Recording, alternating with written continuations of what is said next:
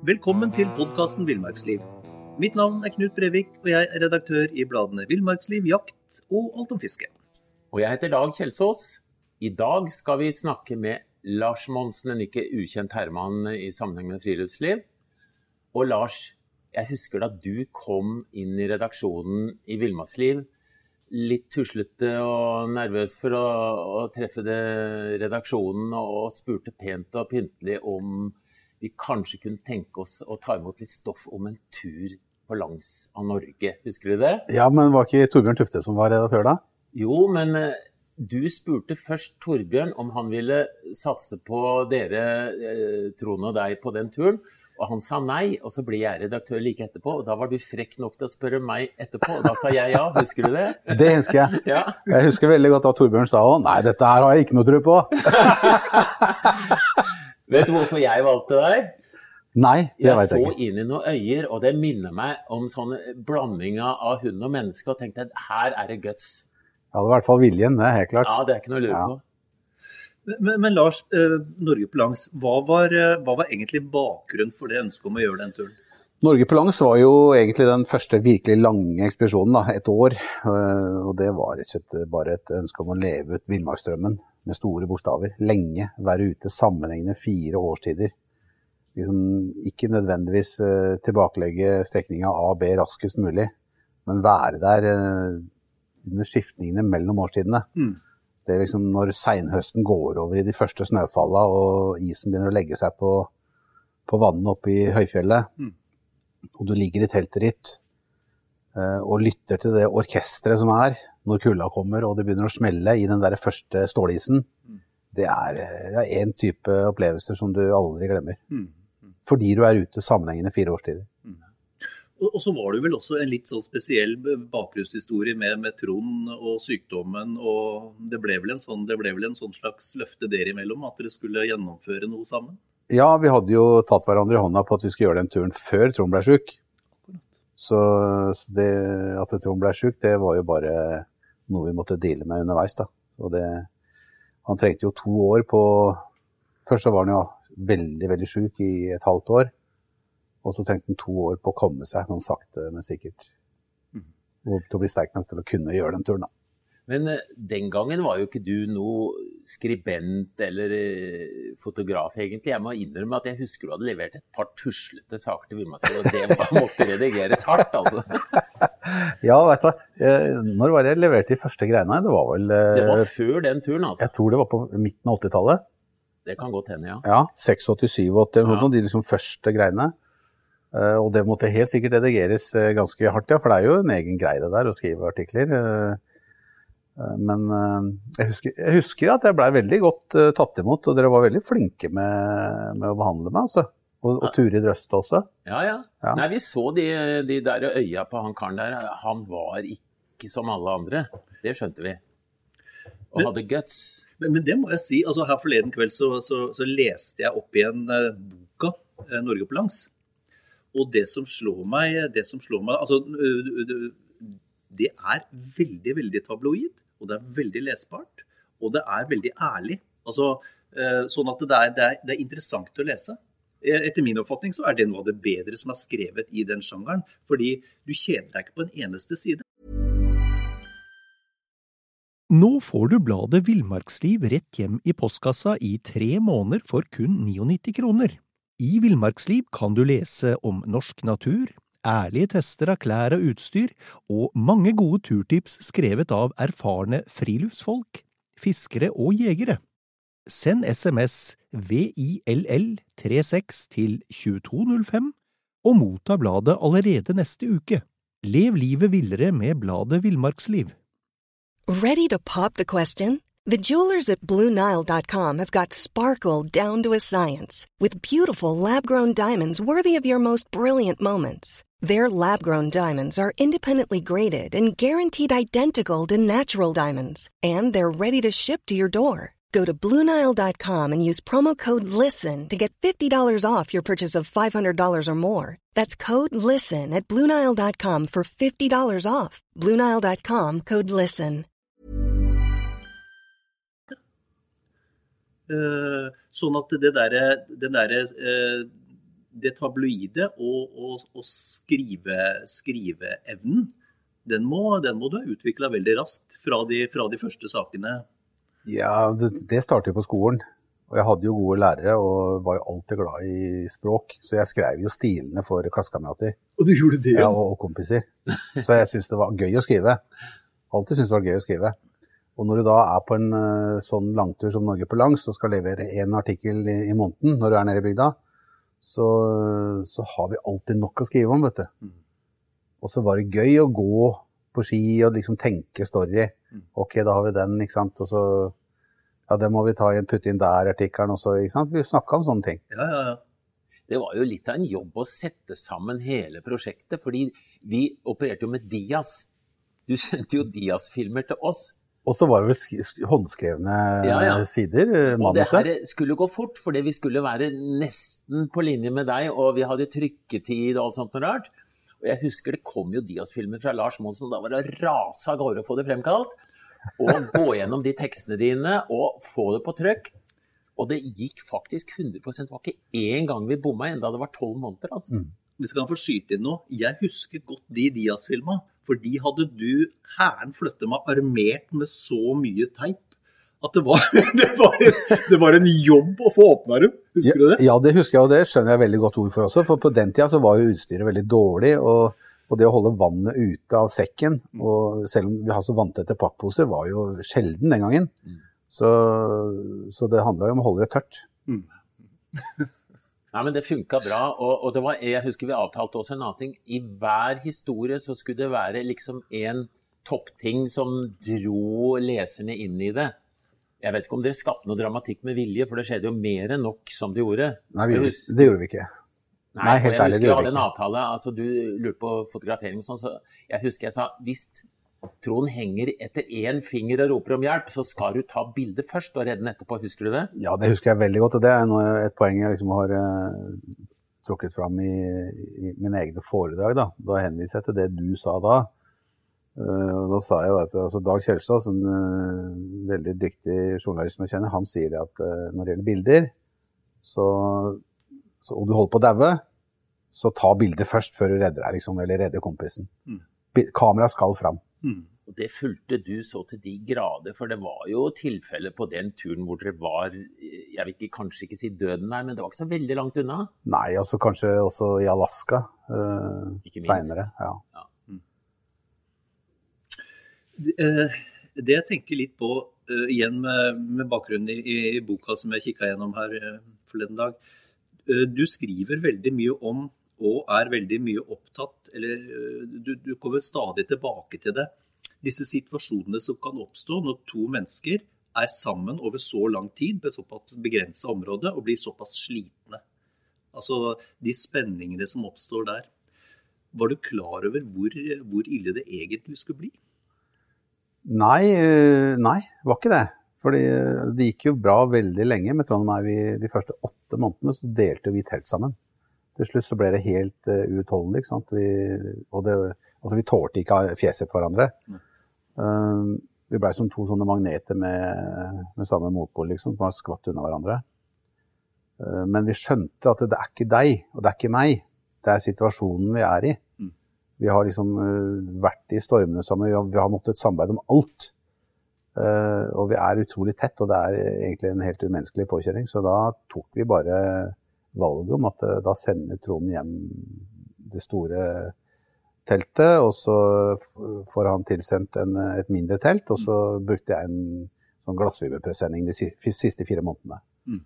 Så, og da husker jeg, da lå jeg under den pressendingen i Vi fikk jo noen stormer til på seinvåren der også, i Trøndelagen. Så jeg husker godt det der. Eh, men det redda vennskapet vårt.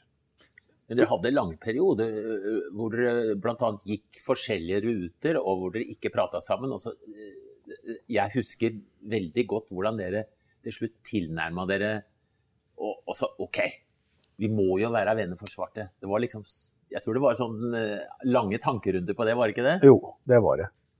Ganske enkelt og greit. Og vi, det er helt riktig. Det, vi, det, var en del av oppskriften på å finne tilbake til vennskapet. Det var å skille lag i to-tre dager. Og så møtes, fordi da hadde vi noe nytt å snakke om. Mm. Ikke sant? Da hadde den andre sett noe den andre, andre ikke hadde sett. da. Mm. Så, og så da blei det det faktisk eh, en, en latterkule. Mm. Kanskje vi kunne serve en vits som vi ikke hadde hørt før, ikke sant? eller fortelle om noe morsomt som vi ikke hadde sett før. Mm. I stedet for de samme gamle, trøtte historiene som du har hørt eh, gang på gang. Og du, for du, du kommer til et punkt hvor du har snakka deg ferdig, vet du. Du har ikke noe mer å si. Men det med humor var vel et stikkord, fordi jeg vet jo liksom dere Når dere holdt på å sulte i hjel hadde det ordentlig fælt, det, Lars, kan jeg få pølse med skal vi se, to striper sennep? Dere drev og jobba med sånne ting hele tida? Ja, vi gjorde det. Og husker veldig godt uh, ett eksempel på Tanavidda. Altså det vil si kanskje tre-fire måneder inn i turen.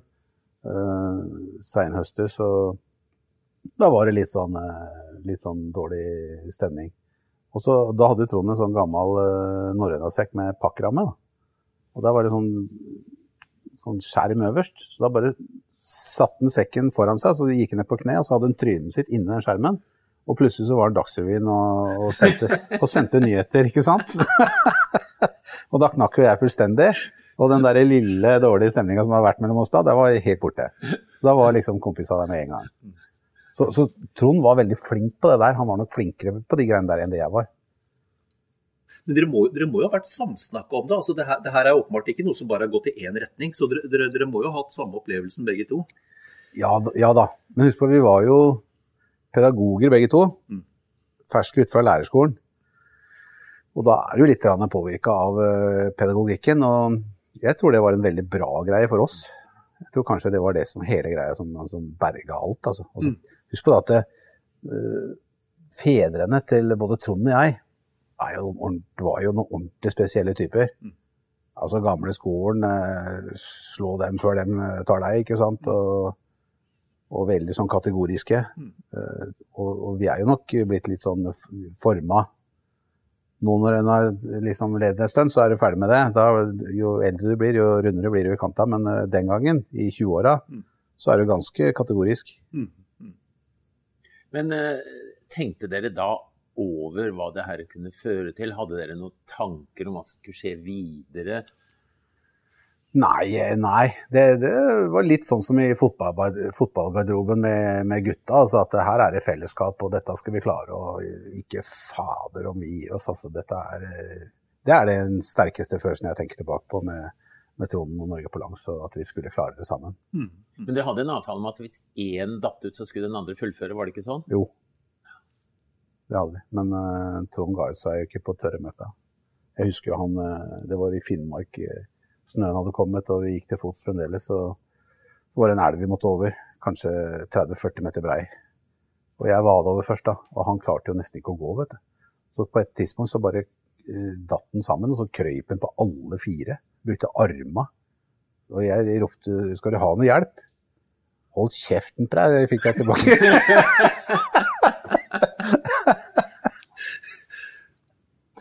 Det er jo det er en grei melding, da.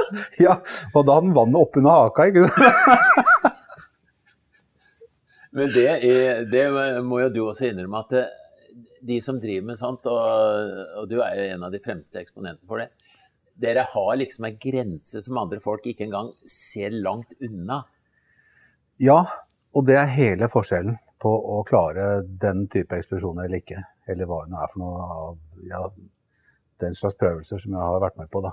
Det, det, du sier det. øh, For det mentale betyr så mye. Mm. Og du må liksom du må, Hvis du får motgang, så må du bare bli svart i øya. Ikke snakk om at jeg gir meg. Gi, altså, gi meg en til. Mm.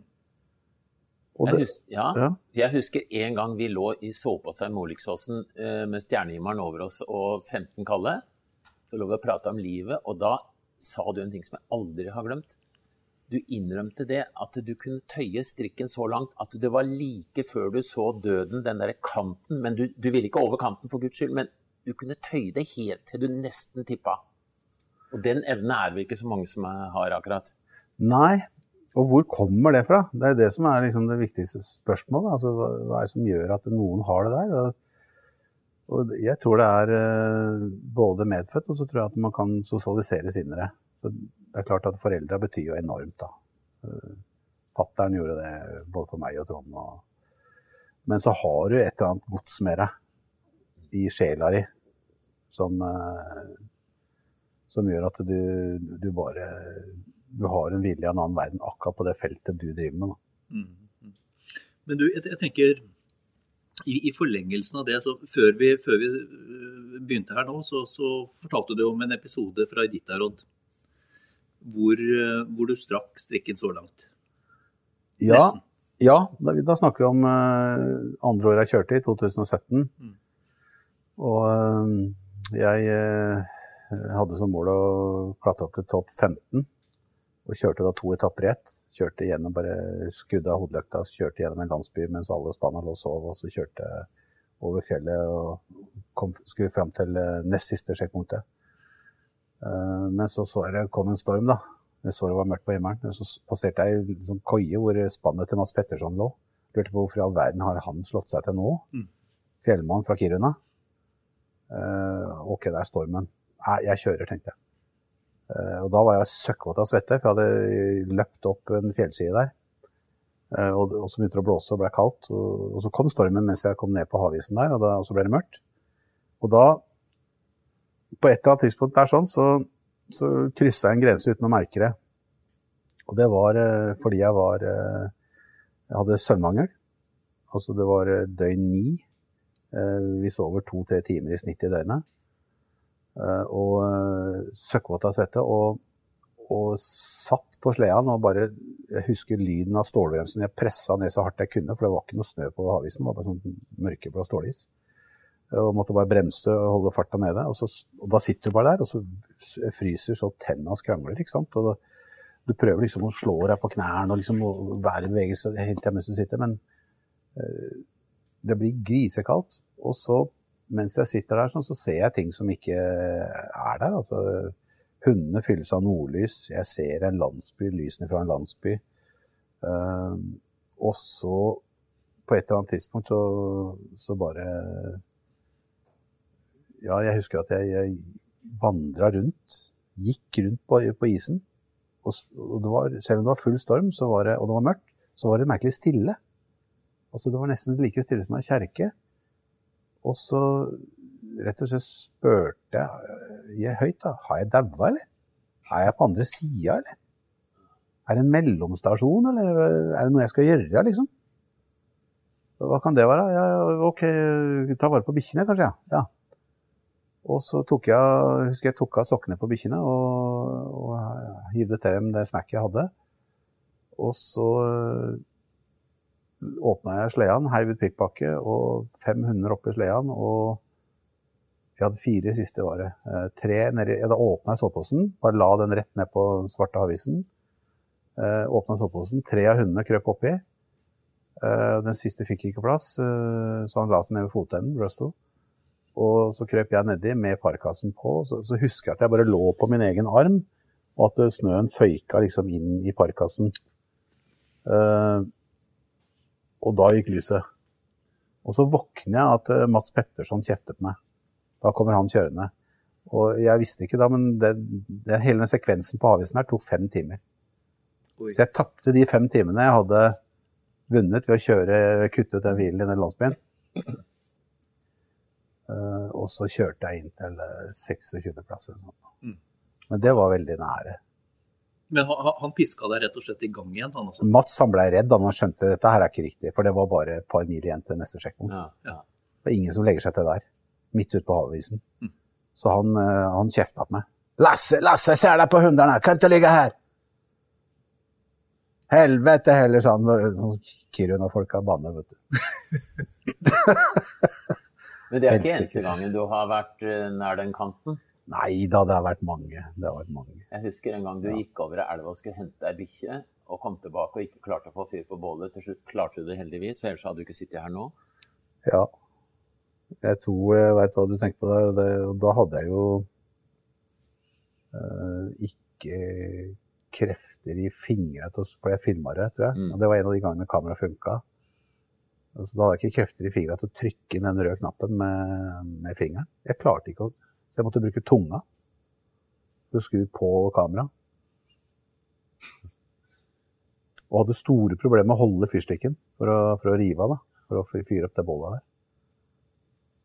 Så ja. Men jeg tenker du har jo hatt mange, mange den type tøffe opplevelser, men Og de fleste av oss andre ville jo vært redde. Du blir ikke, du blir ikke redd noen gang, da? Nei, det spørsmålet der har jo Dag stilt meg tidligere. og Du lagde en sak på det, tror jeg. Og, og det, jeg sier det samme som jeg sa til Dag den gangen, at eh, nei, jeg blir ikke redd. Men du skjønner jo når eh, det er fare på ferde. Mm. Eh, men det som skjer da, med overleverne, og dem er det mange av, flere enn du, enn du, tror, og du har det i deg sannsynligvis, de fleste av oss har det, da må du bare skjerpe. Hva gjør jeg? Hvor er løsninga? Og da er du på. Da er du som et dyr som har en fare rundt deg, ikke sant. Og da, må du bare, da gjør du det du skal for å overleve. Mm. Og det har med, det har med de sansene som, som, finpusses fordi du er veldig mye ute i naturen, da. Mm. Dette veit jo dere mye om. Vi, vi, vi med, eh, her Forrige uke så snakka Dag og jeg med, med han tidligere sjefen for Forsvarets vinterskole, Ellevold. Han sa det at eh, det er, det er, de som er forberedt, som jevnt over som overlever sånn. At det mm. krever en eller annen slags men, både en mental og en, en, forberedelse i forhold til utstyr og, og, situasjoner og hva man skal gjøre. De som er forberedt, overlever. Ja, det tror jeg er riktig. Og i det så ligger også at eh, er du forberedt, så veit du at det kommer til å bli, bli ubehagelig. OK, nå er vi der. Mm. Nå klapper tennene ukontrollerbart, og jeg har ikke følelse i beina. Og... Men jobben skal gjøres. Mm. Og det er vel noe som kjennetegner dine ekspedisjoner òg, at du, du, gjør veldig gode forberedelser. Du jobber med prosjektet så langt det går an å tenke seg. Ja, i den grad uh, man kan planlegge i detalj. Men alltid, man må alltid ha plan B, C klar. Fordi eh, du, du, har jo vært kjent for å være dyktig til å, å, å snakke med fagfolk på områder hvor du sjøl ikke har kompetanse, innhente informasjon. Altså, det virker som en sånn del av metoden din. Ja, definitivt. Og sånn er det fremdeles. Eh, hvis jeg kommer inn i et uh, fjellområde som kanskje ikke har vært så mye da, så er det helt naturlig liksom, å, å, høre på de som bor der. Mm og spørre dem. Før man legger opp ruta, eller før man tar eh, de viktigste valgene. Mm. Det er jo innlysende, og, det, og, den ydmykheten der, den må man aldri miste. Altså, det er ingen som er verdensmester, ingen som kan absolutt alt bedre enn alle andre. Du har vel en enorm respekt, sånn jeg har oppfatta deg, eh, for de erfaringene samer og uh, indianere osv. har? Ja, veldig. Der sa du det. Altså, det, er noe, det er de folka jeg respekterer mest. Altså, jeg har jo noen sånne enkeltepisoder som bare dukker opp med en gang. For eksempel så kom jeg inn i Delhiene, eh, en liten landsby med 200 innbyggere ved store Bjørnesjø i Nord-Canada. Og, og, Indianerne har jo gjerne en, en, høvding og en åndelig leder. Det er to forskjellige personer. Uh, høvdingen kan godt være en person i 20-35-årsalderen, ofte en kvinne. Eh, mens åndelig leder er gjerne en eldre mann, da.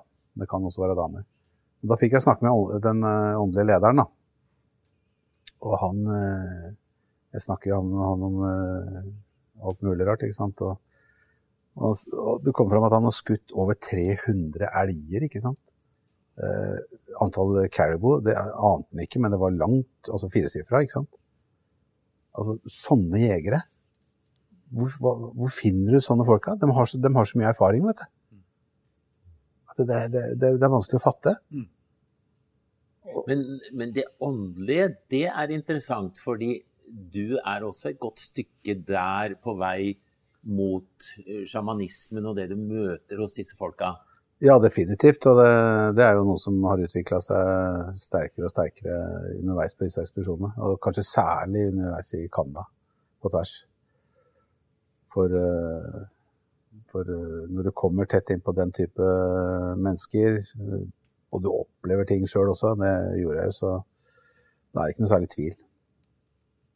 Kan du nevne en, eller, eller for den saks skyld flere opplevelser som liksom er på det Ja, jeg kan, jeg kan, nevne en episode som folk kanskje kan relatere litt til. Fordi det er jo et klipp med en bjørn der, en svartbjørn, som, eh, som, jeg må jage bort.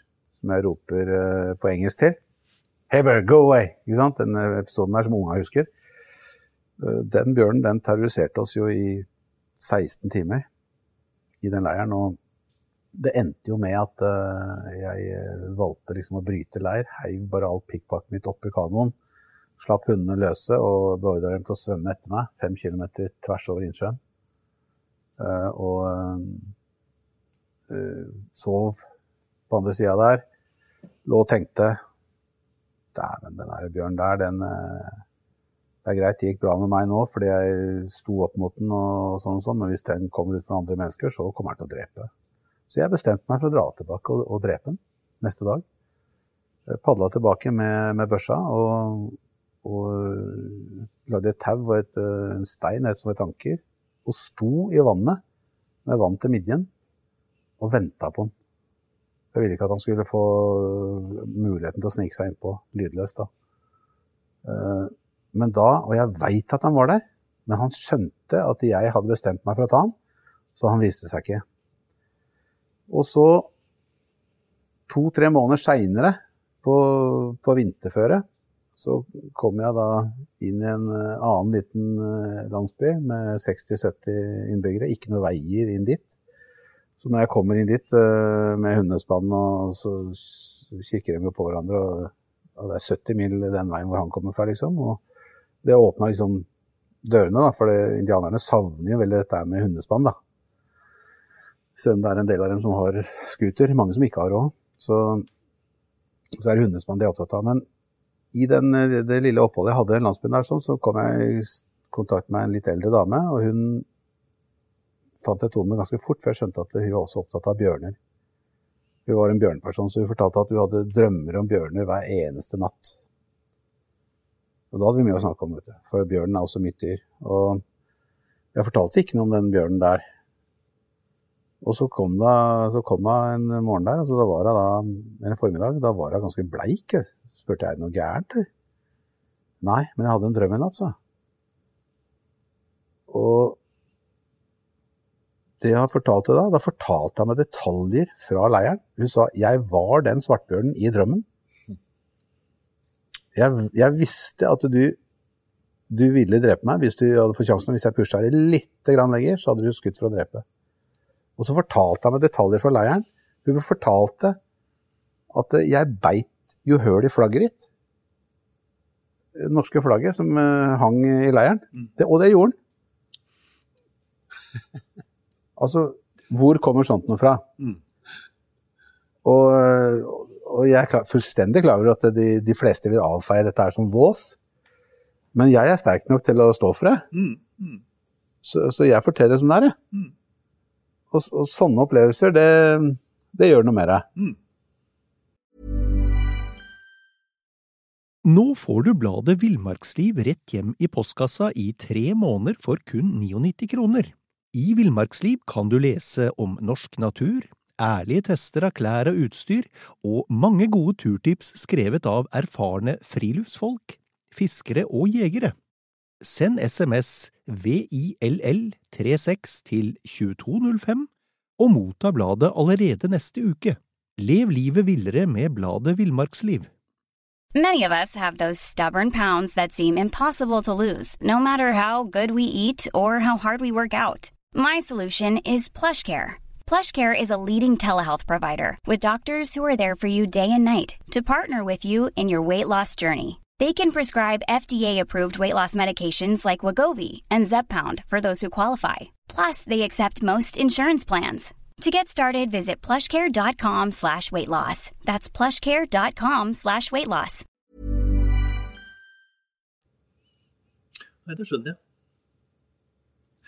Nei. En ting eh, jeg har lyst til å spørre deg Lars. Du har jo, du har jo levd av fysikken din. Eh, Ja, ikke bare, men altså det er en viktig forutsetning for det du holder på med, og har holdt på med opp gjennom alle år, har vært god fysikk. Helt klart. Hvordan opplever du det å bli eldre? Jeg syns det er ganske deilig. Det er, eh, det er, det er faktisk ganske deilig. Jeg, jeg er jo ikke i nærheten i dag å kunne faktisk fysisk klart Canada på tvers. Eh, og jeg har også tenkt mye på det. Når var kroppen min på topp? Jo, det var under Canada på tvers. Det var når jeg var 38. Det var ikke når jeg gikk Norge på langs som uh, tøff og sterk 26-åring. Uh, selv om jeg kanskje ville sagt det sjøl da. Og at man kanskje skulle tro det, da. At det var da man kanskje er den sterkeste, som 26-åring. Men altså, som 38-åring så jeg er ganske overbevist om det. Det har jeg tenkt mye på. At det, det var det året, eller den tida hvor jeg, kroppen min klarte mest og var sterkest og mest utholdende. Mm. og i dag så Altså, det er jo snart 20 år sia. Og det, jeg, kroppen min er jo liksom Jeg har brukt den nådeløst i 35 år. Og det er klart du må betale en pris da, og det gjør jeg hver eneste dag. Så jeg står opp og er stiv og støl og må liksom gå meg i gang og, og har smerter og prøver å unngå å tygge smertestillende, da, men eh, altså, jeg har slitasjeskader som en toppidrettsutøver. Mm. Men jeg har utrolig bra mentalt jeg, jeg, har ikke noe bevis, jeg. Altså, nå får andre ta over, altså. Mm. Og, og, jeg gjør mine greier uansett, jeg. så, så jeg må jo ha noe, noe, å strekke meg etter, det må jeg. Ja, ja, og, det, og, det, og, det, er jo fremdeles gøy å lage TV. Og, liksom, og, gøy å Og det sier jeg jo med et lite sånn uh, vondt, uh, liten vond følelse inni inn kroppen også, fordi det, det, har jo gått på bekostning av dere. Jeg, har, jeg hadde jo noen fantastisk fine år når jeg skrev for Villmarksliv. Ikke sant? Og, og, den gangen var jo du en, en vanlig journalist, du også. Kan jeg, kan jeg, få lov til å sitere ja. hva du har kalt meg? ja, få høre. En råtten haug av en journalist. Når var det? Du skrev det i forordet til den boka som ligger der. Gjorde jeg det? Står det der? Kødder du? Jeg skriver akkurat det samme i forordet til den boka som ligger oh, ja. til deg der. Å oh, ja. Ok. ok. Ja vel. Ja, nei, fordi, ja, men uansett, da, poenget mitt da, det var jo at eh, den skrivinga forsvant jo når jeg begynte å lage TV. vet du. For da var det historiefortelling på en annen måte. Mm. Eh, og som også krevde mye energi og liksom all fokus. da. Mm. Pluss at jeg også fikk skrivesperre. ikke sant? Etter 20-talls bøker og sånn, så var det bare slutt. Mm. Men du har jo vært veldig proff når du har bytta uttrykksform. fordi det er jo fortsatt folk som uh, lurer på hvordan var det med en annen enn og tok film mens du gikk disse turene og sånn? Fordi at du fant jo opp sånne delvis selvkonstruerte ting hvor, hvor, du hadde en arm som hang på sekken og fotograferte deg eller filma deg og osv. Det var vel en del av det du utvikla sjøl, var det ikke det? Jo, det var det. Helt klart. Det hele tida liksom finne på ting. Og det har noe med, noe med det at man altså, Som jeg pleier å si i foredragene mine til hvis det er firma Ok, dere er best i klassen på det dere driver med, men har dere tenkt å fortsette med det, så nytter det ikke å slappe av og lene seg tilbake og være fornøyde. Da må dere være to hakk foran dere. Og da må dere hele tida tenke hva kan jeg gjøre som de andre konkurrentene ikke gjør? Mm. Og da, da, blir du liksom aldri fornøyd, da. Mm. Og det er noe som kjennetegner idrettsfolk også. Selv om nettopp vinner OL, så er de sånn OK fornøyd. Og, og, liksom, det høres litt rart ut, men sånn er noen. Og, det, og den tankegangen der, den, den, gjør at du er liksom eh, Du er på, og du, da finner du på ting. Og liksom, da, da blir du innovativ. Og ja, så det er riktig, det. Og så er det en annen ting jeg har filosofert litt over. Det er at folk ser jo disse turene dine og tenker ja, det har gått ganske langt, det har gått derfra til dit. Det de ikke veit, er at du har gått to ganger. For du har gått og henta kamera, satt opp og sklidd forbi med kanoen, gått tilbake og henta osv. Ja. Ingenting kommer gratis. Så må, bare, så må du bare gjøre det. En, en, ting jeg tenker på, Lars. Du har jo eh, oppnådd å bli eh, superkjendis. Jeg vet at ikke det har vært noe voldsomt sterk motivasjon, men altså, du har jo opplevd eh, å bli superkjendis i levende livet. Eh, nærmest en, en, legende. En legende, vil jeg si. Eh, og noe av det opprinnelige eh, og motivasjonen din for å drive med friluftsliv var jo å få oppleve fred og ro. nå er du i en posisjon hvor du nesten ikke kan slå en fjert uten at det interesserer folk. Ja, sånn er det. Hva tenker du om det? Nei, det har jeg måttet lære meg å leve med, eh, og det er baksida av medaljen. Men eh, den største baksida av den medaljen, det er jo journalistene.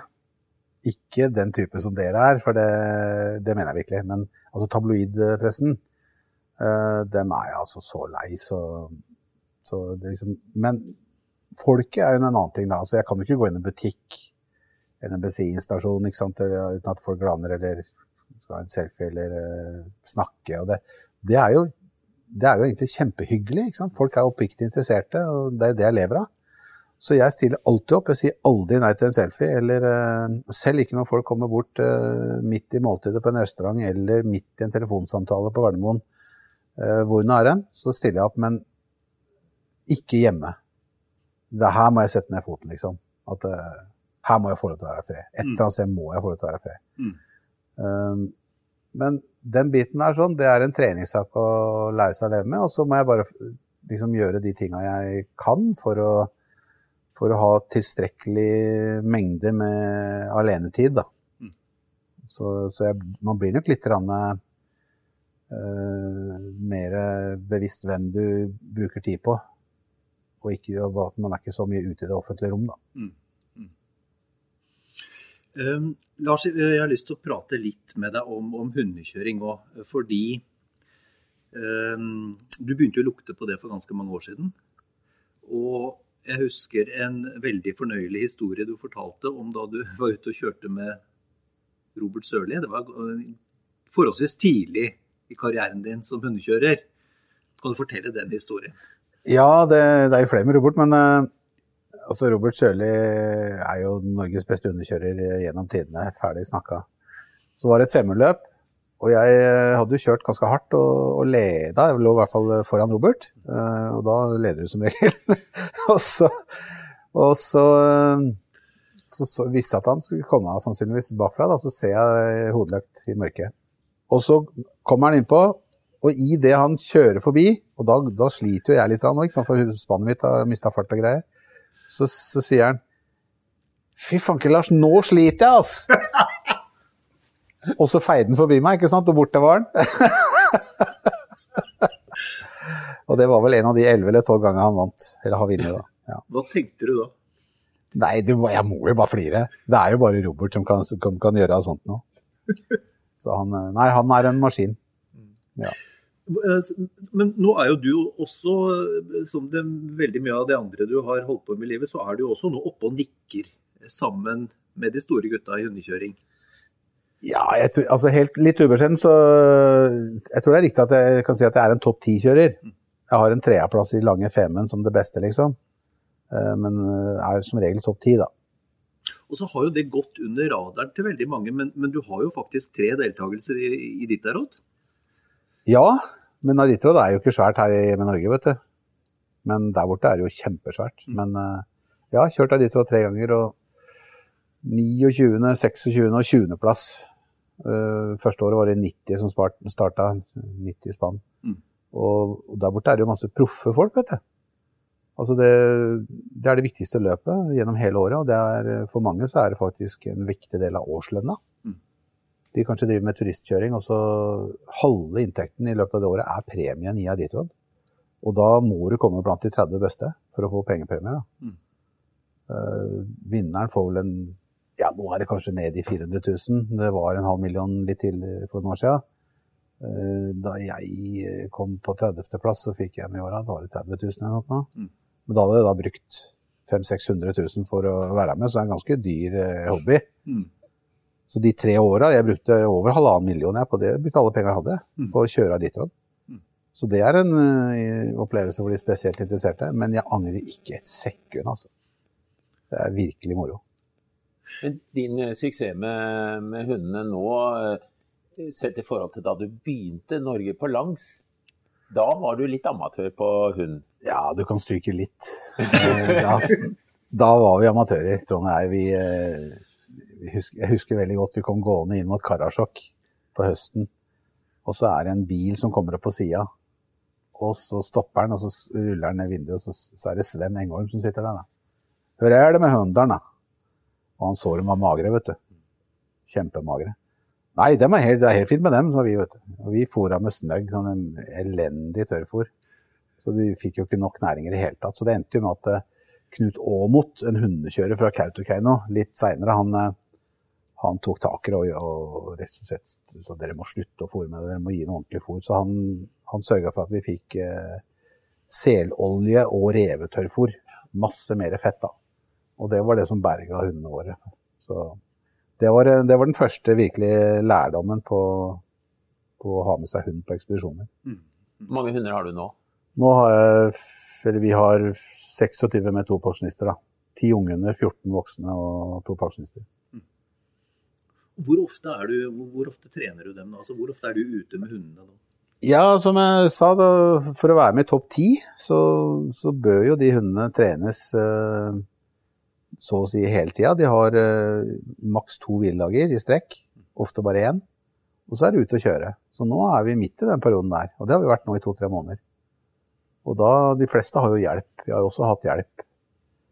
Så, og det er helt avgjørende, egentlig. For, ellers for det er en fulltidsjobb, og mer enn det, faktisk. Så én økt nå, det kan jo være fire-fem døgn i strekk, det.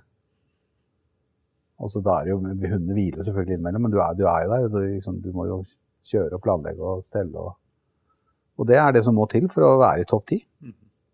Og Når, når, du, når vil du si at du er fornøyd? Altså, nå har du, du har gjort en masse fantastiske ekspedisjoner, eh, skrevet, skrevet en, rekke, en rekke bøker, oppnådd suksess på det du har prøvd. Når, når er du fornøyd som hundekjører? Hva skal du ha oppnådd da? Nei, altså som hundekjører så, så er jeg egentlig fornøyd med den innsatsen jeg har. Men altså resultatmessig, som stikker fingeren i jorda, så er jeg jo ikke fornøyd. Altså tredjeplass i lange femmen, det er mange som har vært med mange år og ikke fått til det. Men uh, jeg er ikke fornøyd med det. Jeg er ikke fornøyd før jeg vinner Femund eller Finnmark. Innrøm det at du hadde en drøm om å vinne Iditarod. Ja, definitivt. Det var jo det helt klart. Men som en av de andre deltakerne sa der borte, altså av de som starter, så er det vel kanskje 80% som har en drøm om å vinne Iditarod. Men den forsvinner ganske fort etter hvert. sånn. har du den fortsatt, eller? Ja, jeg, ikke, jeg, er ikke ferdig med Iditarod i huet mitt. Altså det, for det er et så vanvittig fint løp, da. Det er et villmarksløp. Mm. Altså det er så primitivt. Eh, men nå er vi jo i ferd med å få det sånn her hjemme i Norge også, da. Og det måtte en koronaepidemi til. For nå blir, eh, hvis det nå blir noe av femmeløpet, det vet vi jo ikke uh, mens dette her spilles inn, men hvis det nå blir noe av det, så blir det da et villmarksløp. Og Det betyr at vi kjørerne vi kan ikke gå ut av sjekkpunktområdet, vi må oppholde oss med bikkjene hele tida. Sånn som du gjør i Alaska. Mm. Og Da hviler du i halmen med bikkjene, du hviler på sporet. Altså Da stopper du hvor som helst i løypa og bare gjør alt du skal der for at bikkjene skal få mat og hvile. Og det er en det er det, kanskje det feltet vi nordmenn er dårligst på. Mm. For det er en helt spesiell rutine, det. Ok, da svinger jeg til sida her, ned med ankeret. Og hvor lang tid bruker du på å ta av sokker, massere, fòre, eh, form til å legge seg ned på halmen, eller hva de hviler på. Og til at du sjøl kryper ned i posen. Mm. Og, så skal du kanskje sove i en time og et kvarter, og så er det opp igjen, og så videre. Men den som ser på et hundeløp på TV, tenker at det her er én ting det står på, og det er å holde seg våken. Ellers så står jo bare og henger bak på en slede. Men eh, du kan jo bekrefte at eh, du snakker om at du er pensjonist sånn fysisk, men eh, det er, det er ikke noe pensjonisttilværelse å stå bak på en slede og kjøre et løp? Nei, absolutt ikke. Det, det er ikke. Du må jobbe, du må sparke, du må Du er jo sånn jevn og trutt aktivitet hele tida. Eh, og det er klart du blir kjempesliten etter hvert, så gjør du det. Eh, det er veldig viktig å få i seg nok eh, væske og næring. Men det aller viktigste det er jo selvfølgelig å ta vare på hundene. Så det vi gjør, vi står jo og ser på altså Hvis vi starter Finnmarksløpet, så har vi 14 hunder foran oss når vi starter. Og de står vi og ser på hele tida. Vi ser på halene. Ok, den halen der, den skal ikke være så høyt oppe. Er det noe gærent med den bikkja der? Uh, Hvorfor vil ikke han uh, trave? Han galopperer, se om det går eh, sakte her. Hva er det som er gærent der? Sånne ting. Og vi kjenner dem ut og inn. Og vi veit hvem vi skal sette sammen. Og kanskje vi Ok, nå er det tidlig i løpet, så jeg vil ikke ha den der farta nå. Da setter jeg kanskje uh, den, de to eldste lederne foran, da, som ikke løper så fort lenger, men som går. Og ikke lar seg distrahere av ved forbikjøring eller hva det er for noe. Men de går roligere. Og så litt seinere ute i løpet, når du trenger fart, så kanskje setter uh, uh, lille hissigproppen Grace foran. Mm. For da hun bjeffer og smeller og kjefter, og da, da er det full rulle. Mm. Så du, liksom, du, du, setter det sammen akkurat som du setter opp et fotballag. Altså. Det høres ut som en vanvittig mange variabler som kan flyttes rundt for å få det optimale resultatet. Det er det, og det betyr veldig mye at du setter de riktige hundene sammen med hverandre. Mm. Og hvor du plasserer hundene. Altså, av det spannet som er, er nede i hundegården her nå, av de 14 voksne der sånn, så er det jeg vil si ti ledere. Og fire-fem av dem veldig gode. Mm. Og veldig gode ledere, så betyr det at det da går de i storm på kommando høyre-venstre, uten spor. De lyder deg blindt? Ja, det gjør de da. Ikke alltid, men uh, som regel. Mm.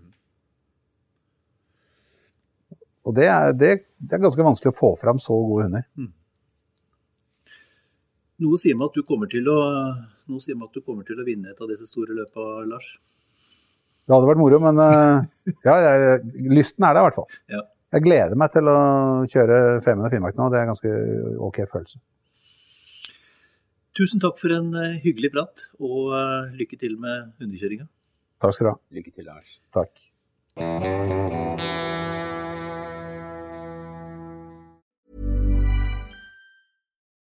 Nå får du bladet Villmarksliv rett hjem i postkassa i tre måneder for kun 99 kroner.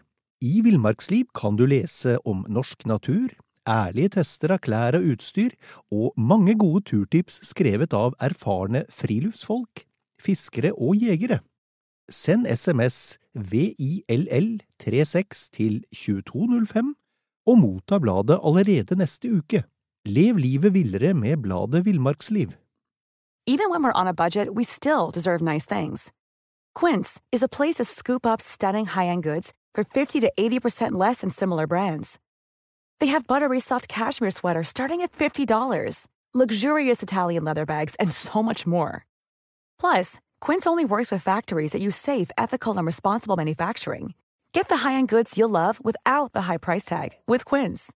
Go to quince.com/style for free shipping and 365-day returns. Mom deserves the best, and there's no better place to shop for Mother's Day than Whole Foods Market. They're your destination for unbeatable savings, from premium gifts to show-stopping flowers and irresistible desserts. Start by saving 33% with Prime on all body care and candles. Then get a 15-stem bunch of tulips for just $9.99 each with Prime. Round out Mom's menu with festive rosé, irresistible berry chantilly cake, and more special treats. Come celebrate Mother's Day at Whole Foods Market.